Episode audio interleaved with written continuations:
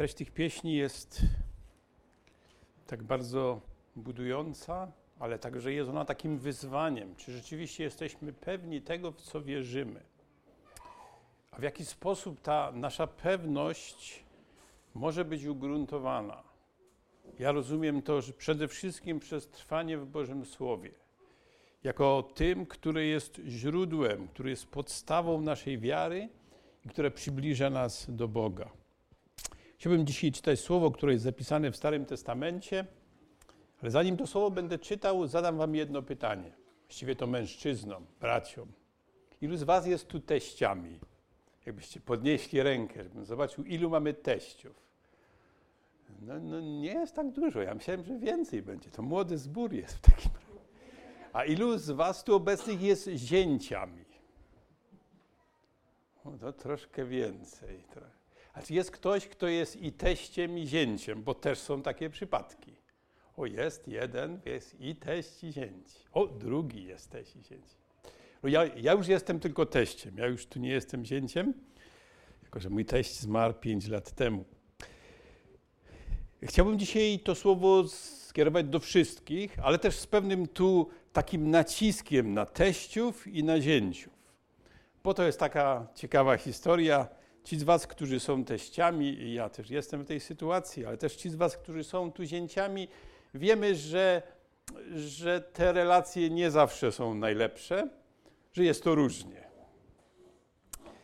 Kiedy e, brat pastor przeczytał słowo zapisane w drugiej księdze Mojżeszowej, kiedy to powiedział, to moje serce zadrżało, bo ja też chcę czytać z drugiej księgi Mojżeszowej. No, całe szczęście brat pastor czytał z rozdziału 17, ja będę czytał rozdział 18, czyli następny. Kto ma Biblię, pro, proszę śledźcie ra, razem ze mną tą historię. Druga księga Mojżeszowa, 18 rozdział i będę czytał od pierwszego wiersza. A gdy Jetro, kapłan midiański, teść Mojżesza, usłyszał o wszystkim, co Bóg uczynił dla Mojżesza i ludu swego izraelskiego, że Pan wyprowadził Izraela z Egiptu, Jetro, teść Mojżesza, wziął Syporę, żonę Mojżesza, którą ten przedtem odprawił. A dwóch jej synów i dwóch jej synów, z których jeden nazywał się Gerszom, gdyż rzekł, byłem gościem na obczyźnie, drugi zaś nazywał się Eliezer, gdyż rzekł, Bóg ojca mojego był pomocą moją i wyratował mnie od miecza Faraona. I przybył Jetro, teść Mojżesza, z synami jego i z żoną jego do Mojżesza, na pustyni, gdzie obozował pod górą Bożą. I kazał Mojżeszowi powiedzieć: Ja, Jetro, twój teść, przybyłem do ciebie z żoną twoją i z obu jej synami. Wtedy Mojżesz wyszedł na spotkanie swego teścia, pokłonił się i ucałował go, i wypytywali jeden drugiego o powodzenie, po czym weszli do namiotu.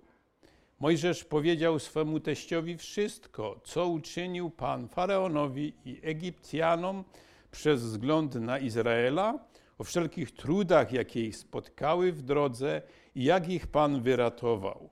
Jetro cieszył się ze wszystkiego dobrego, jakie Pan wyświadczył Izraelowi, że go ratował z ręki Egipcjan. I rzekł Jetro, błogosławiony Pan, który wyratował was z ręki Egipcjan i z ręki Faraona. Teraz wiem, że Pan jest większy niż wszyscy bogowie, bo dlatego wyratował lud z niewoli Egipcjan, że ci zuchwale z nim postępowali. Potem Jetro, teść Mojżesza, złożył Bogu całopalenia i ofiary rzeźne. Przyszedł też Aaron i wszyscy starsi Izraela, aby wraz z teściem Mojżesza spożyć chleb przed Bogiem. Nazajutrz zasiadł Mojżesz, aby sądzić lud. Lud zaś stał przed Mojżeszem od rana do wieczora. A gdy teść Mojżesza zobaczył wszystko, co on czyni dla ludu, rzekł: Czemu ty sam czynisz to dla ludu? Dlaczego ty sam musisz tu siedzieć, a cały lud staje przed tobą od rana do wieczora? Wtedy Mojżesz odpowiedział teściowi swemu, ponieważ lud przychodzi do mnie, aby się radzić Boga. Gdy mają jakąś sprawę, przychodzą do mnie, a ja jestem rozjemcą między jednym a drugim i oznajmiam przepisy i prawa Boże. Na to rzekł teść Mojżesza do niego: Niedobra to rzecz, którą czynisz. Męczysz się zarówno ty, jak i ten lud, który jest z tobą, bo sprawa ta jest za trudna dla ciebie, nie podołasz jej sam. Przeto słuchaj teraz głosu mojego, udzielę ci rady, a niechaj Bóg będzie z tobą. Ty sam stawaj przed Bogiem za lud i ty sam przedkładaj te sprawy Bogu. Wdrażaj ich w przepisy i prawa i wskazuj im drogę, po której mają chodzić i czyny, które mają spełniać. Ale ty upatrz sobie z całego ludu mężów dzielnych, bogobojnych, mężów godnych zaufania, nieprzekupnych i tych ustanów nad nimi jako przełożonych nad tysiącami, albo nad tysiącem, albo nad setką, albo nad pięćdziesiątką, albo nad dziesiątką, aby sądzili lud w każdym czasie. Tobie zaś niech przedkładają każdą ważniejszą sprawę, a każdą pomniejszą sprawę niech rozsądzą sami. Tak odciążysz siebie, a oni ponosić będą odpowiedzialność wraz z Tobą. Jeżeli to uczynisz, to podołasz temu, co Bóg Ci nakazuje, a również cały ten lud wróci w spokoju do swojego miejsca. Mojżesz usłuchał głosu teścia swojego i uczynił wszystko, co ten powiedział. Mojżesz wybrał mężów dzielnych z całego Izraela i ustanowił ich naczelnikami nad ludem, przełożonymi nad tysiącem, przełożonymi nad setką, przełożonymi nad pięćdziesiątką i przełożonymi nad dziesiątką. I sądzili lud w każdym czasie. Tylko sprawy trudniejsze przedkładali Mojżeszowi, a każdą sprawę mniejszą rozsądzali sami. I pożegnał Mojżesz teścia swego, a on poszedł do ziemi swojej. Ja myślę, że jest to jedyny fragment w Bożym Słowie, jedyny rozdział w Bożym Słowie, gdzie słowo teść jest tyle razy tu wypowiedziane. Ja, ja nie znam innego rozdziału.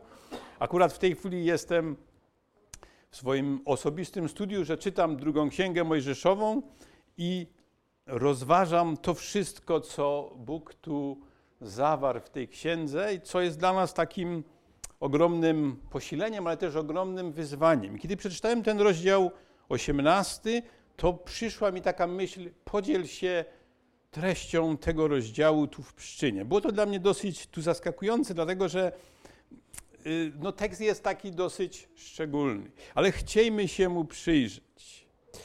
Y, w tym tekście mamy w zasadzie przede wszystkim dwie osoby, bo mamy Jetrę i mamy Mojżesza.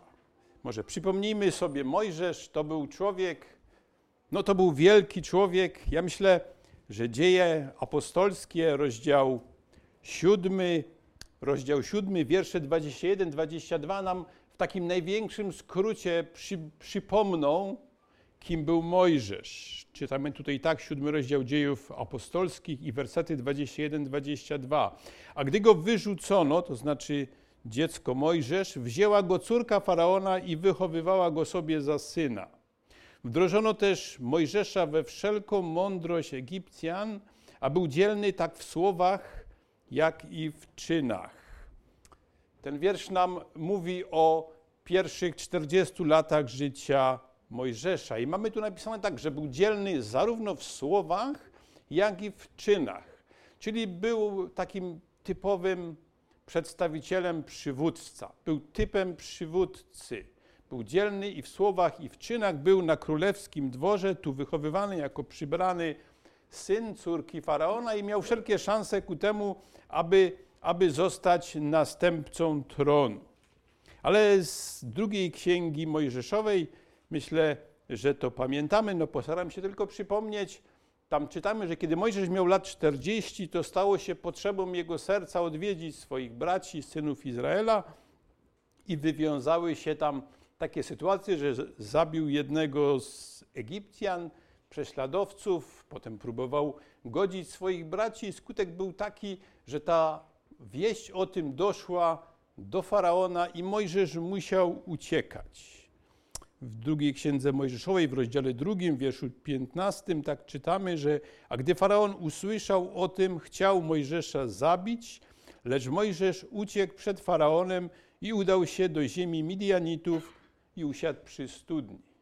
A więc po 40 latach, on jako 40-latek, czyli człowiek w sile wieku, no musiał uciekać, uciekał na wschód, bardziej na wschód od Półwyspu Synaj do ziemi Midianitów. To było mniej więcej, mniej więcej w tym miejscu, gdzie jest dzisiaj północno-zachodnia Arabia Saudyjska, albo też południowa, e, południowa część, e, no, no może lepiej będzie jednak północno-zachodnia część Arabii Saudyjskiej, to była pustynia. I on tam, tak czytamy, że znalazł się w ziemi Midianitów i usiadł przy studni. Może znowu, żebyśmy sobie przypomnieli, kim byli ci Midianici, dlatego że zaraz w XVI wierszu czytamy tak, a kapłan Midianitów miał siedem córek.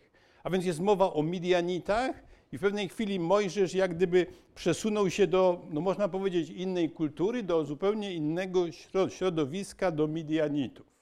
Ci Midianici, gdybyśmy chcieli sobie przypomnieć, pierwsza księga Mojżeszowa, Rozdział 25, może to nie szukajcie i ja tylko to przeczytam. W 25 rozdziale, w pierwszym wierszu czytamy tak.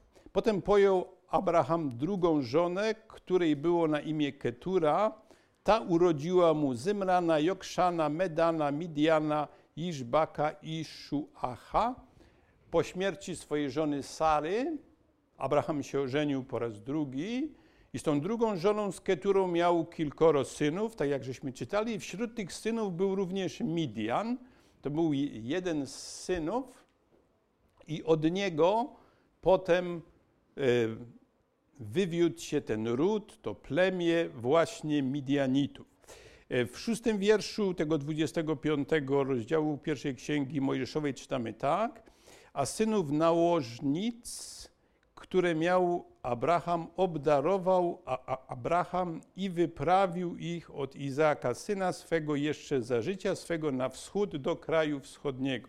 Tak więc oni zostali wyprawieni na wschód od góry, góry Synaj, tak jak wspomniałem. A więc to było jakby takie plemię, no bo z tego tych ludzi było znacznie więcej. Oni żyli sobie osobno, oni żyli sobie swoim życiem, tak jak żeśmy czytali w tej ziemi midianickiej. I tam musiał uciekać Mojżesz. Znamy tą historię. On spotkał się w sumie z tym kapłanem Midianitów, który miał na imię Reguel albo też Jetro, dlatego że miał dwa imiona. W niektórych przekładach Biblii tak czytamy, że on był nie tyle kapłanem, ile księciem tu, Midianitów, ale tego tak dokładnie nie wiemy. I w każdym bądź razie doszło do tego, tak jak czytamy, że ten kapłan, czy ten książę miał siedem córek i zaproponował mu jedną córkę, Syporę czy Seforę, w zależności od przekładu za żonę i Mojżesz zgodził się tam osiąść w tej ziemi midianickiej i właśnie ten Jetro, czy Reguel, dlatego że są dwa imiona, został jego teściem a on został jego zięciem, dlatego że wziął jego córkę za żonę i tak jak czytamy potem w Bożym Słowie, miał z tą córką dwoje dzieci, dwóch synów. Jest taka jedna rzecz dosyć szczególna, jeśli chodzi o tych synów, co czytamy później e, w rozdziale czwartym. W tym tu małżeństwie między Mojżeszem i Syporom no nie doszło do konsensusu odnośnie tego, czy można tych synów obrzezać, czy nie. Z kontekstu wiemy, że tego tu nie zrobili, z czego potem był pewien kłopot. I Jetro jako teść zaproponował swojemu zięciowi takie stanowisko pasterza, prawdopodobnie miał sporo owiec i Mojżesz został pasterzem jego owiec. A więc został w pewnym sensie tu jego podwładnym i przez następnych 40 lat pasł owce. Pewnie za często się z tym teściem tu nie widział, dlatego że, tak jak czytamy w, rozdziale trze trzecim, on w pewnej chwili pognał te owce na półwysep Synaj, a więc spory kawał od tej ziemi Tumidianitów, gdzie znalazł się potem przy Górze Bożej i gdzie miał spotkanie z Bogiem. Ja myślę, że dla Mojżesza to był taki czas no, troszeczkę degradacji. Poprzednio był na dworze tu faraona, czyli w zasadzie te, ta najwyższa półka władzy, jaka w ten czas była, a tu nagle, no trudno powiedzieć, że awansował, bo właściwie to spadł z tej łopatki, jak to się u nas często mówi, i został pasterzem u swojego teścia.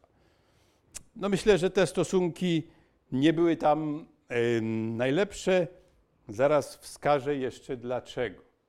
I przez 40 lat Mojżesz pasał owce, ale w pewnej chwili Pan Bóg przemówił no, do niego, to mamy rozdział trzeci. Znamy tą historię, więc jej tu nie będę przypominał, ale Mojżesz otrzymał takie polecenie, taką służbę od Boga, że ma iść do swojego narodu, do Egiptu i ma ich wyprowadzić stamtąd, dlatego że Pan Bóg daje mu takie zadanie. Wiemy, że Mojżesz się opierał temu, miał mnóstwo przeciw, miał już wtedy 80 lat, więc, więc był, był już starszym tu człowiekiem. Ale w końcu Mojżesz jakby zgodził się i z tego półwyspu Syna i spod tej góry Bożej musiał przejść z powrotem do tej ziemi Midianitów, żeby przekazać te owce tu teściowi i no, żeby mu coś tu powiedzieć, że, że jego plany tu życiowe się zmieniły. Spójrzmy bo to może warto przeczytać czwarty rozdział drugiej Księgi Mojżeszowej i werset osiemnasty, który mówi w ten sposób. Potem poszedł Mojżesz i y, potem, po, potem poszedł Mojżesz z powrotem do teścia swego Jetry i rzekł do niego, pozwól mi proszę wrócić do braci moich, którzy są w Egipcie, aby zobaczyli, aby zo, zobaczyć, czy jeszcze żyją. A Jetro rzekł do Mojżesza, idź w pokoju. Kiedy czytamy ten werset i porównujemy z tym, co Mojżesz przedtem przeżył z Bogiem, jakie cudowne, wspaniałe, nadnaturalne i przemieniające e, przeżycie otrzymał Mojżesz od Boga, a teraz on przychodzi do swojego teścia Jetry i mówi mi tak, mówi mu tak, pozwól mi proszę wrócić do braci moich, którzy są w Egipcie, aby zobaczyć, czy jeszcze żyją. A więc Mojżesz nie zdradził swojemu teściowi, po co chce wrócić do, moj... po co chce wrócić do Egiptu. On mówi, no pozwól mi zobaczyć, czy jeszcze ci moi bracia żyją. Ja bym to tak spuentował dzisiaj, że między tym teściem i tym zięciem tej chemii za bardzo no to nie było. No coś musiał mu tu powiedzieć, żeby go puścił, nie? Że, no żeby mu nie odradzał, żeby go nie przekonywał w inną stronę i tak mu powiedział tak bardzo oględnie. No szczęśliwie tak czytamy, a Jetro rzekł do Mojżesza, idź w pokoju. I Mojżesz poszedł. I Mojżesz poszedł, bo on poszedł do Egiptu. Czytamy w tym, w tym czwartym tu rozdziale, że wziął żonę, wziął swoich synów i poszli. I teraz przeskoczymy praktycznie już do tego osiemnastego rozdziału, który żeśmy czytali. I w, tutaj żeśmy tak czytali w wierszu drugim. Jetro teść Mojżesza wziął Syporę, żonę Mojżesza, którą ten przedtem odprawił. Stąd mamy taki wniosek, dlatego że w tekście tego nie ma wcześniej, że w którymś, w którymś momencie Mojżesz swoją żonę i swoich synów odprawił z powrotem do teścia.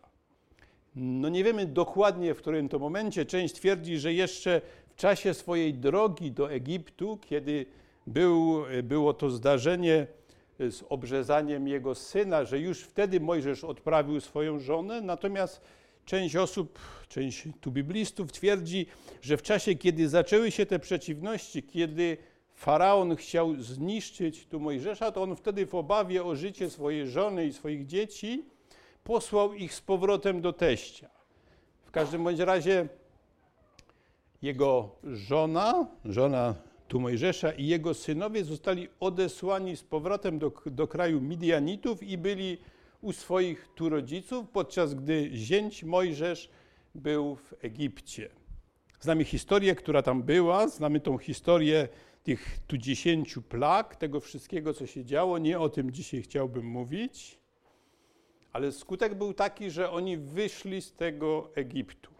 I w pierwszym wierszu tego 18 rozdziału tak czytamy, a gdy Jetro, kapłan midiański, teść Mojżesza, usłyszał o wszystkim, co Bóg uczynił dla Mojżesza i ludu swego izraelskiego, że Pan wyprowadził Izraela z Egiptu. to były inne czasy jak dzisiaj, to wiemy. Niemniej jednak tych kilkaset tu kilometrów nie było aż taką przeszkodą i po jakimś czasie te informacje o tych plagach, o tym w jaki sposób Pan Bóg potraktował nieprzyjaciół Izraela, doszło również do Jetry, doszło do tej ziemi midiańskiej. Oni usłyszeli, co tam wszystko się działo w tym tu, tu, tu Egipcie i o tym, że Izrael jako naród został stamtąd wyprowadzony. Ja myślę, że dla, dla tego Jetry to był szok, bo on swojego zięcia tu kojarzył tylko z pasaniem owiec. A nagle słyszy no, takie no, niesamowite informacje. W związku z tym postanowił wziąć swoją córkę, a jego żonę i synów i przyprowadzić ich do Mojżesza. Oni byli akurat znowu pod Górą Bożą na Półwyspie Synaj. I w tym miejscu ja myślę, że, że, że zobaczymy taki pierwszy dobry ruch tego teścia względem zięcia, że teściu postanowił, że to małżeństwo ma być jednak razem, że żona ma być razem z mężem i razem z dziećmi. Więc to mamy pierwszy plus dla teścia w tej historii. A tych plusów mamy więcej, o, o czym będę mówił zaraz.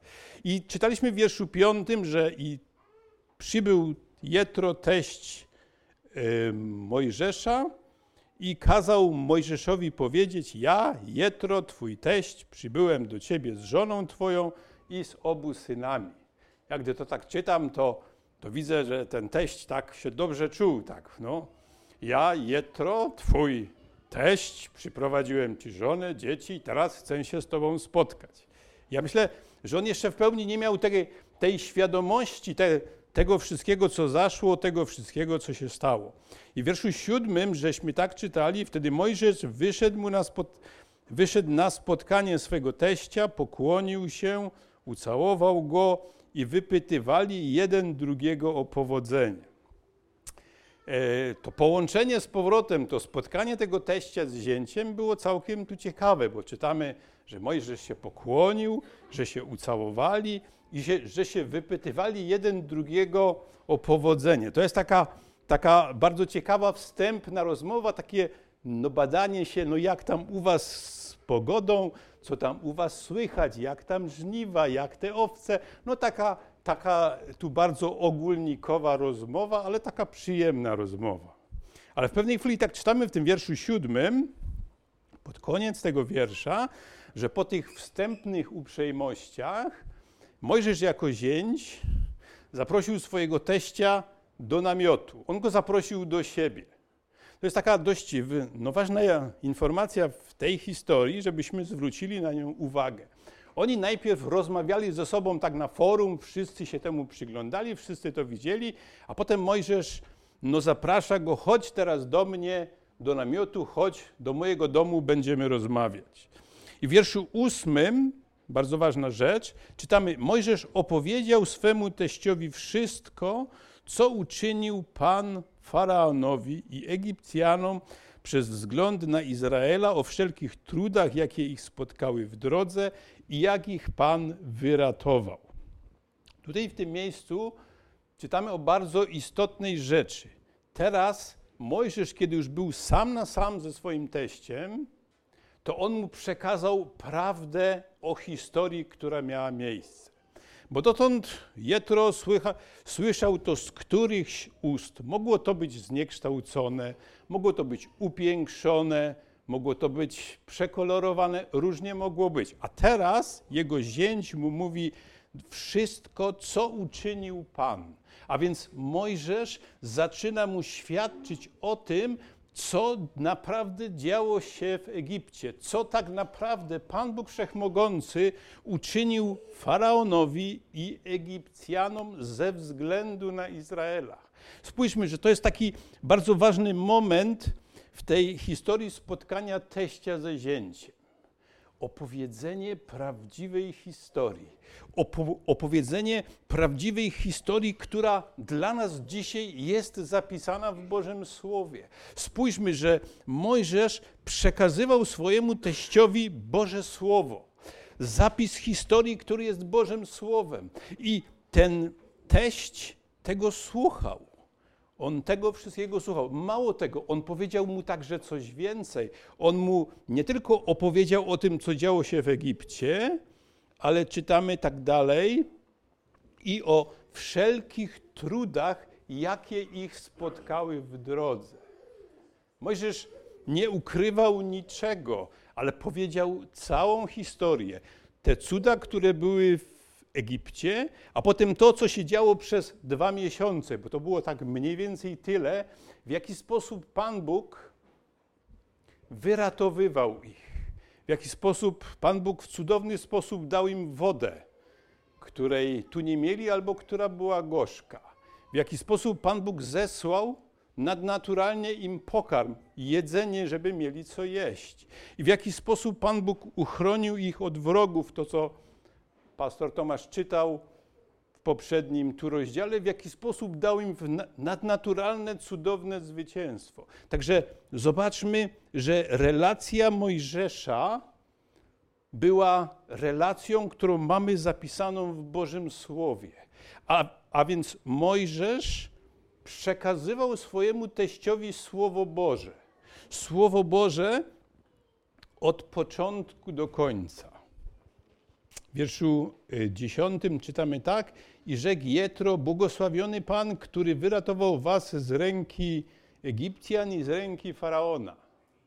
Ja myślę, że ten teść, kiedy słuchał tego zięcia, on miał ciągle ten obraz tego pasterza owiec, a on mu mówi takie niesamowite rzeczy, że Pan Bóg uczynił to, Pan Bóg uczynił tamto, tu była taka trudność, tu ludzie szemrali, tu ludzie się przeciwstawiali, a Pan Bóg mimo to zesłał tą wodę, mimo to powiedział, wrzuć to drzewo do tej wody i ono stało się słodkie. A potem, kiedy byli ci Amalekici, to również Pan Bóg powiedział, ty masz podnieść swoje ręce i wtedy będziecie zwyciężać.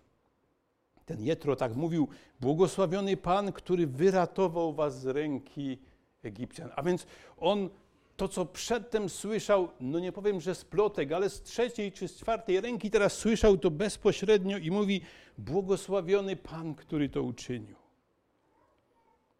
A w następnym we, wersecie, w wersecie tu jedenastym, spójrzmy na ten werset, dlatego że tu jest coś, coś szczególnego. Co, co powiedział teraz Jetro, teść tu Mojżesza?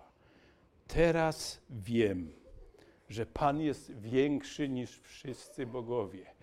Teraz wiem, że Pan jest większy niż wszyscy bogowie. Co to znaczy? To znaczy, że być może wcześniej, a właściwie to na pewno wcześniej, Jetro no, uznawał tego Boga Izraela, bo to był Bóg jego, jego prapradziadka Abrahama, ale, Bóg, ale Jetro również uznawał te różne bożki, w które, w które tu wierzono w jego ziemi i wokoło.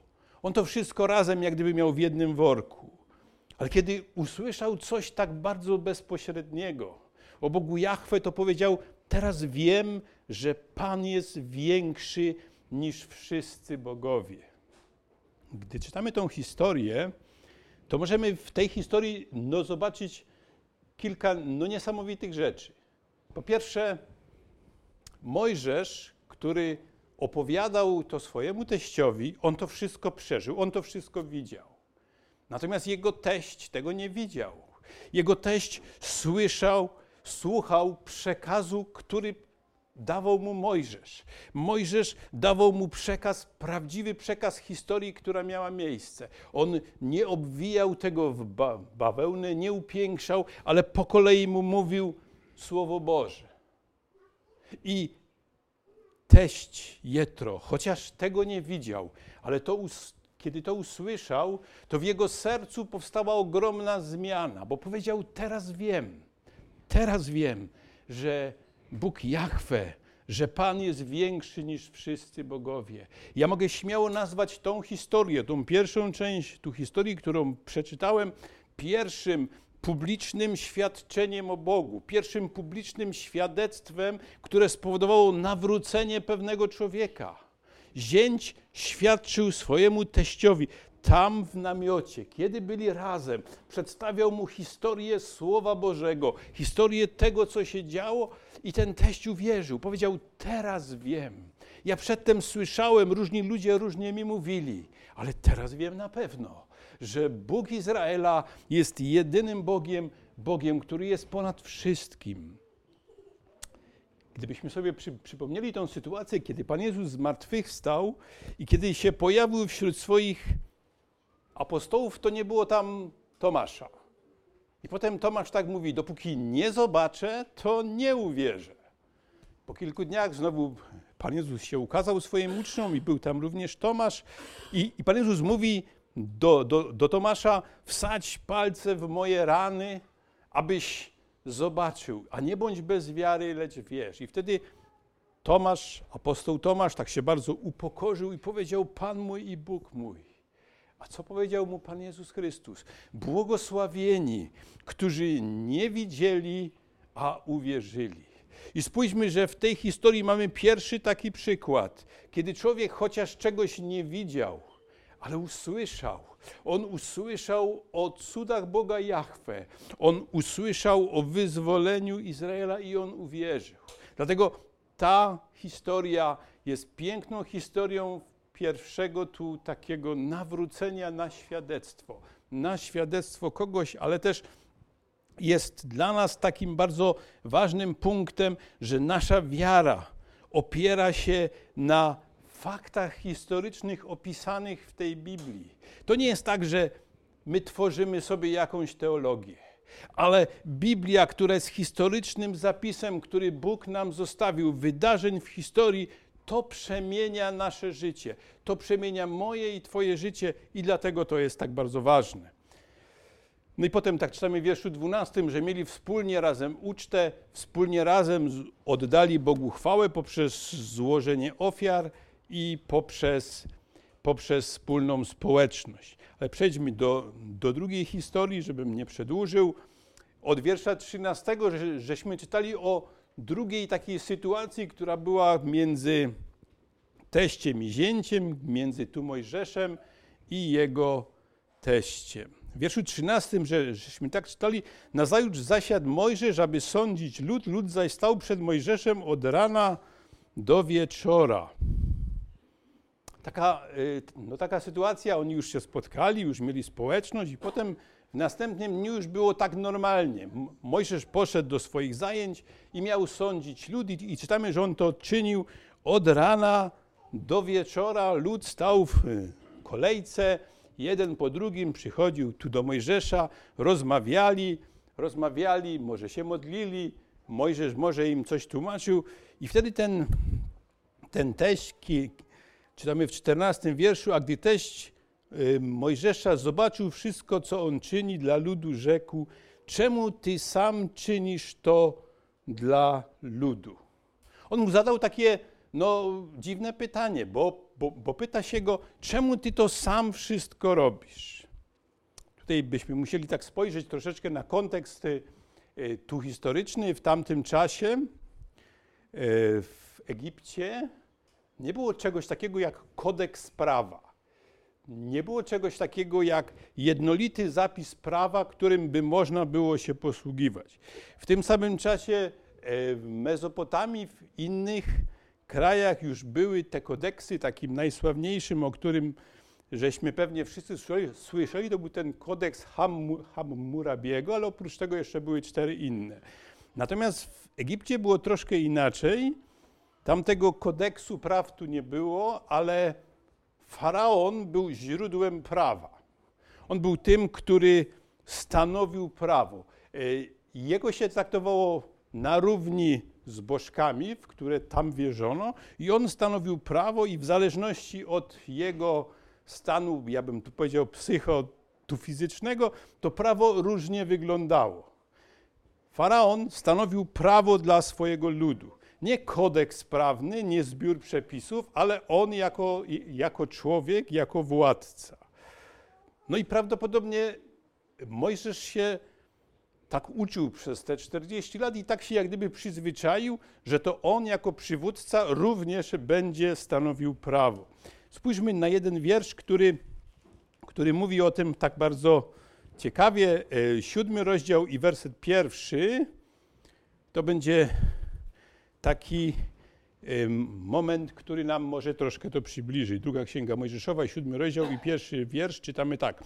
I rzekł Pan do Mojżesza, oto, ustanow, oto ustanawiam Cię Bogiem dla Faraona, a brat Twój Aaron będzie Twoim prorokiem. Chodzi mi o to stwierdzenie. Pan Bóg mówi do Mojżesza, oto ustanawiam Cię Bogiem dla Faraona. Czyli jak gdyby w tym momencie Mojżesz stał się jakby Bogiem, tym, który stanowi prawo dla faraona jako przedstawiciel Boży. I prawdopodobnie Mojżesz był tak przyzwyczajony przez x lat, że tak powinien tu funkcjonować. I nagle przychodzi jego teść, który się przygląda jego pracy. No ta praca była do, dosyć specyficzna, bo czytamy, że, że ci ludzie stali od rana no do wieczora w długiej y, tu kolejce, a Mojżesz siedział i po kolei z każdym tu, tu rozmawiał i nastąpiło takie zderzenie dwóch światów. Chciałbym, żebyśmy e, zwrócili na to uwagę, bo to jest dość ważne. Świat teścia i świat zięcia. Tutaj jak gdyby się ze sobą zderzył i, i teść mówi do swojego zięcia, czemu ty tak czynisz? A potem, a potem mu mówi tak w 17 wierszu, niedobra to rzecz, którą czynisz. A więc teściu tak zaczął stopniować to, ten swój pogląd, tą swoją postawę względem działań zięcia. On mówi: Nie, to, to nie jest właściwe.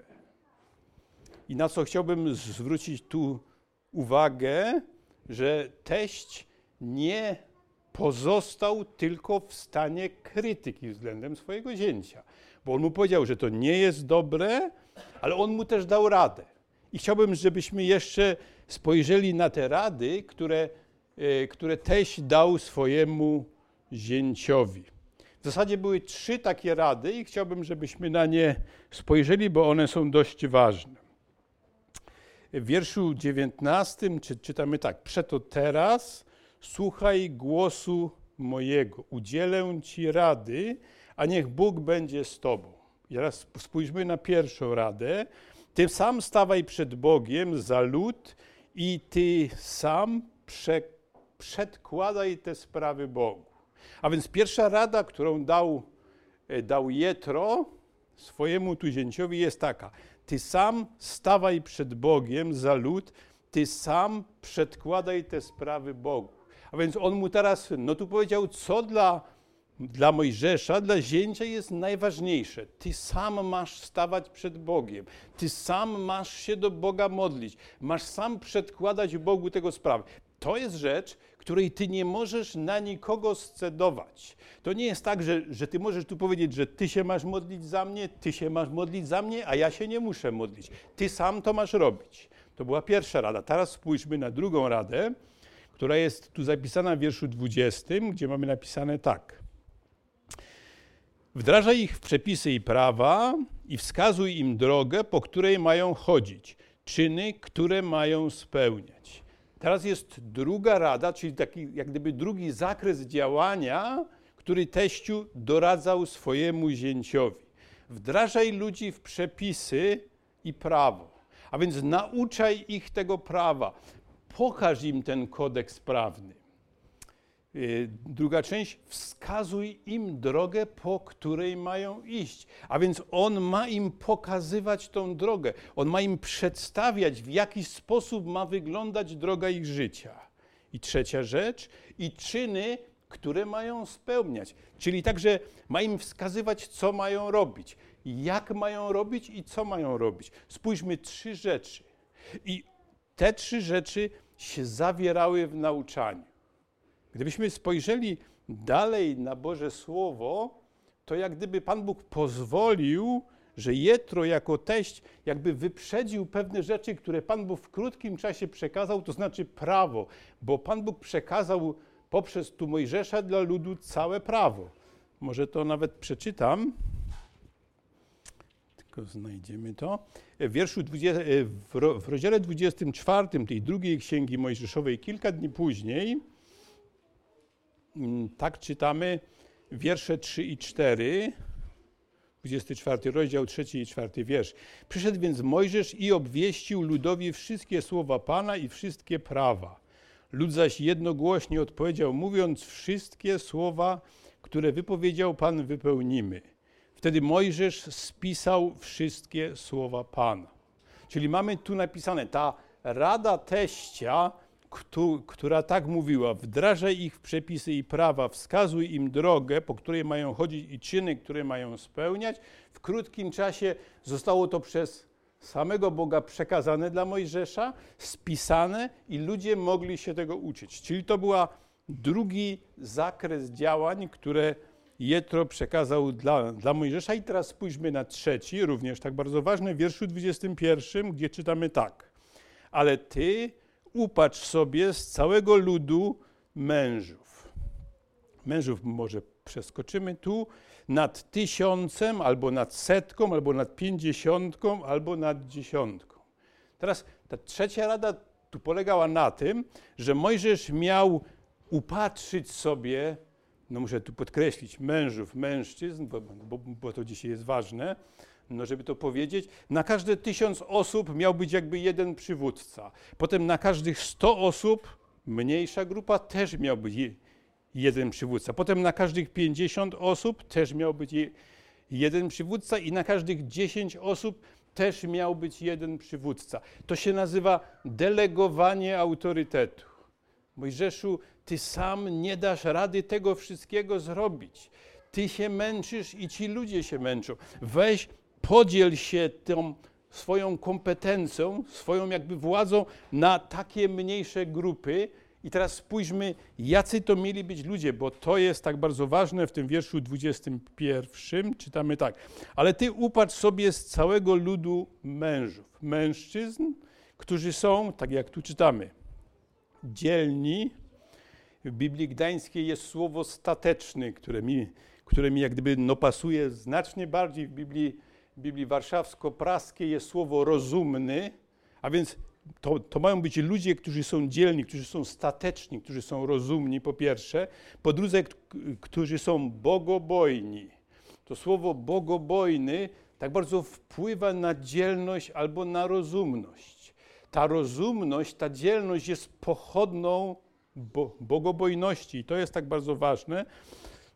To była rzecz druga. Rzecz trzecia, godnych zaufania, a więc ludzie, którzy się cieszą zaufaniem, po czwarte, nieprzekupnych, a więc ludzi, którzy nie są podatni, no powiem to wprost, tu na łapówki, którzy są uczciwi, bo potem tak to wynika ze słowa, że chodziło w dużej mierze właśnie o to, aby się nie poddawać tu łapówkom. W tym 21 wierszu mamy te cztery cechy, co do których ci przywódcy mieli spełniać te warunki. Dzielni, czyli rozumni, stateczni, bojący się Boga, godni zaufania, uczciwi i nieprzekupni. I jeszcze jedna rzecz, której może tu wprost nie ma, ale która jest również taka bardzo ważna. Ci ludzie mają być także pokorni. Słowo pokorni tu nie występuje w tym tekście, ale kiedy czytamy wiersz 22, spójrzmy na ten, na ten wiersz, który, który mówi tak. Aby sądzili lud w każdym czasie, tobie zaś nie, przedkładają każdą ważniejszą sprawę.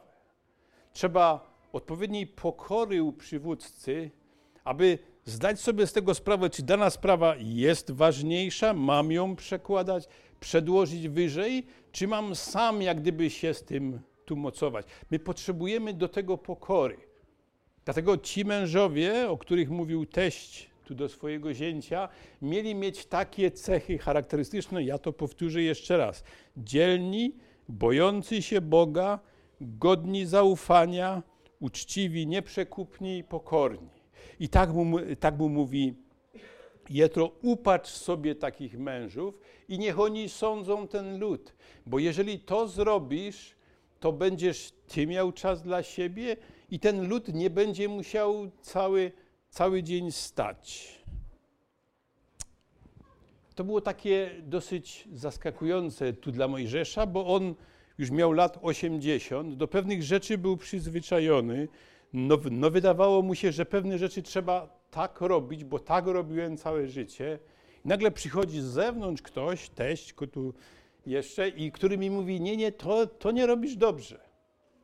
Ja myślę, że, że Mojżesz tu potrzebował takiego właśnie szczególnego głosu.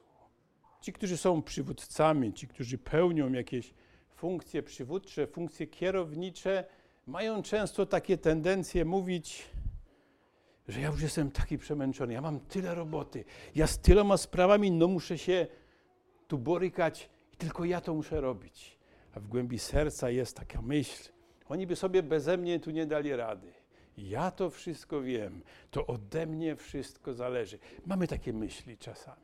I Jetro jak gdyby wyeksponował może to, co było tam gdzieś w głębi serca i powiedział takie sprawy do swojego zięcia. W wierszu 24, tak czytamy, Mojżesz usłuchał głosu teścia swojego i uczynił wszystko, co ten powiedział. To wcale, przypuszczam, że wcale mu to nie poszło tak łatwo, dlatego że Mojżesz już był przywódcą, wielkim przywódcą o bardzo dużym autorytecie, człowieku, był człowiekiem, który miał społeczność, do którego Pan Bóg przemawiał tu bezpośrednio, a jego teść, jego wiara była taka sobie średnia. Co prawda, żeśmy to czytali wcześniej, że uznał, że to Bóg Jahwe jest Bogiem tu jedynym, a jednak potrafił w jakiś sposób przyjąć tą radę.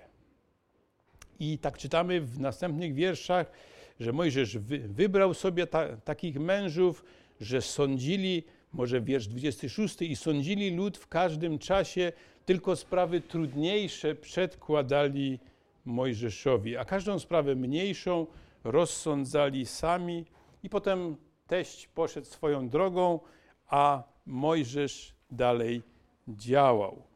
Yy, tak już powolutku kończąc, chciałbym przeczytać taki fragment z piątej Księgi Mojżeszowej, z pierwszego rozdziału po 40 latach Mojżesz wspomina, wspomina właśnie ten, to spotkanie z teściem, chociaż wprost tego tu nie mówi, ale mówi o tej sytuacji, którą miał.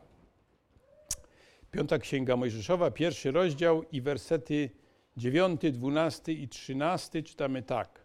W owym czasie rzekłem do was, nie mogę już sam was nosić. Kiedy teściu mu dał te rady, to wówczas Mojżesz tak mówił do swoich ludzi, a teraz sobie to przypomina. W owym czasie rzekłem do was, nie mogę już sam was nosić. W wierszu dwunastym, ale jakże sam poniosę wasze ciężary, wasze kłopoty i wasze spory. Postarajcie się o mądrych, roztropnych, doświadczonych mężów z waszych plemion i ustanowię ich waszymi naczelnikami. Kiedy Mojżesz to wspomina, tą sytuację, to mówi o tym, że on współpracował z ludem, z, ludźmi, kiedy dobierali tych właściwych przywódców. E, ten rozdział mówi nam o bardzo ciekawej rzeczy. To były pierwsze dwa miesiące, które naród izraelski spędzał już jakby na wolności. I Bóg czynił dla nich różne wspaniałe rzeczy. Tak jak wspomniałem, Bóg w cudowny sposób zaopatrzył ich w wodę. Bóg w cudowny sposób dostarczał im jedzenia. Bóg w cudowny sposób dał im zwycięstwo nad przeciwnikiem, ale Bóg im też dał pewną organizację, pewne zorganizowanie i to jakby, to jakby tu nie było cudowne, ale to było takie naturalne, a nawet takie dziwne, bo teść przyszedł do zięcia i zaczął mu tłumaczyć, jak to ma wyglądać. Bracia i siostry, ten rozdział pokazuje nam, w jak bardzo różnorodny sposób Pan Bóg pośród nas działa. On czasami działa poprzez cuda. Tak jak tutaj były ten cud woda i jedzenie i zwycięstwo. Ale czasami Bóg posyła do nas zwykłych ludzi, którzy dają nam takie nadnaturalne, cudowne rady. Pan Bóg działa w swój Boży sposób i Pan Bóg swoje Boże cele w nas osiąga tak, jak On chce. Dlatego tak bardzo chciałbym, żeby ten rozdział pokazał nam, abyśmy byli otwarci, że Bóg mówi do nas w różny sposób. Bóg chce nas kształtować w swój Boży sposób, tak aby Jemu była oddana chwała i abyśmy my jako społeczność także mieli te właściwe struktury. Amen.